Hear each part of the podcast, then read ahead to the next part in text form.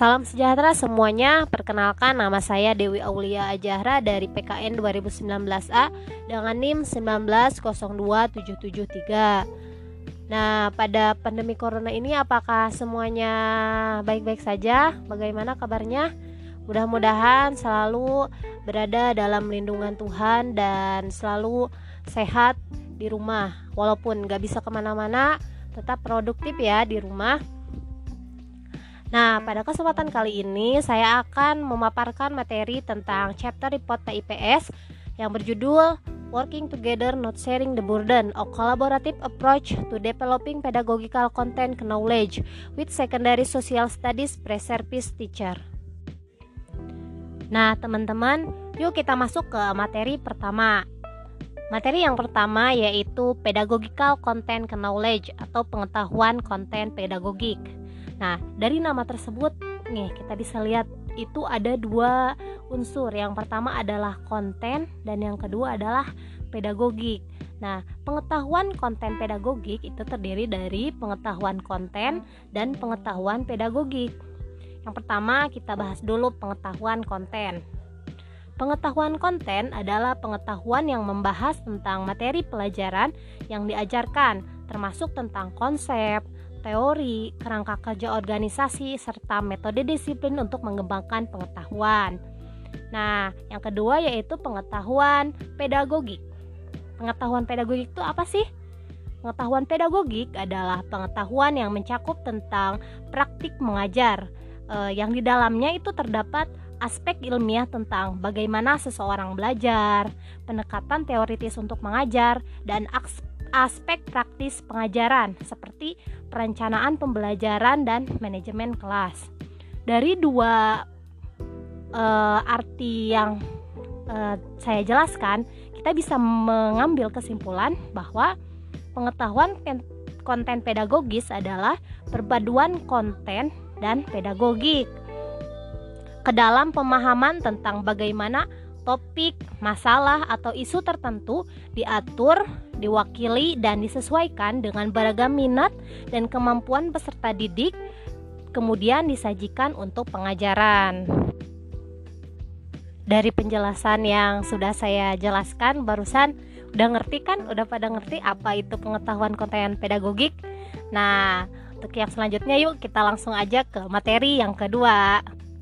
Materi yang kedua yaitu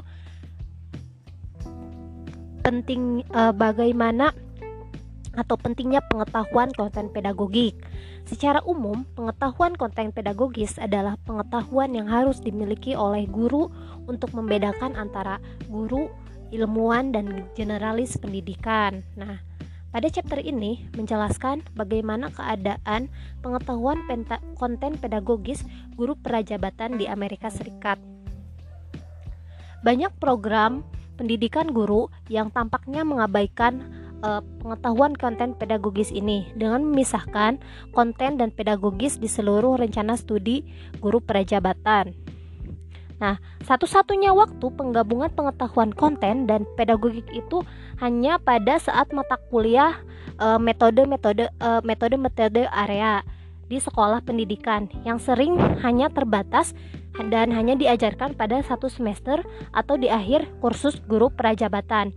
Dan pendekatan semacam itu atau pemberian tentang pengetahuan pedagogis yang hanya sebentar atau hanya satu semester itu tidak memen, tidak memadai untuk mengembangkan pengetahuan pen, konten pedagogis yang diperlukan untuk pe, untuk tercapainya pengajaran yang sukses. Nah, agar uh, tercapainya pengajaran yang sukses, seharusnya guru prajabatan itu diberikan uh, diberikan pengajaran tentang pengetahuan konten pedagogis yang cukup. Materi yang ketiga yaitu konteks program. Nah, pada chapter ini menjelaskan uh, tentang penelitian penulis untuk meningkatkan pengetahuan konten pedagogis guru prajabatan di University of North of Carolina. Nah, UNCG ini diklasifikasikan sebagai universitas riset publik dengan aktivitas penelitian yang tinggi dan memiliki lebih dari 18.000 siswa.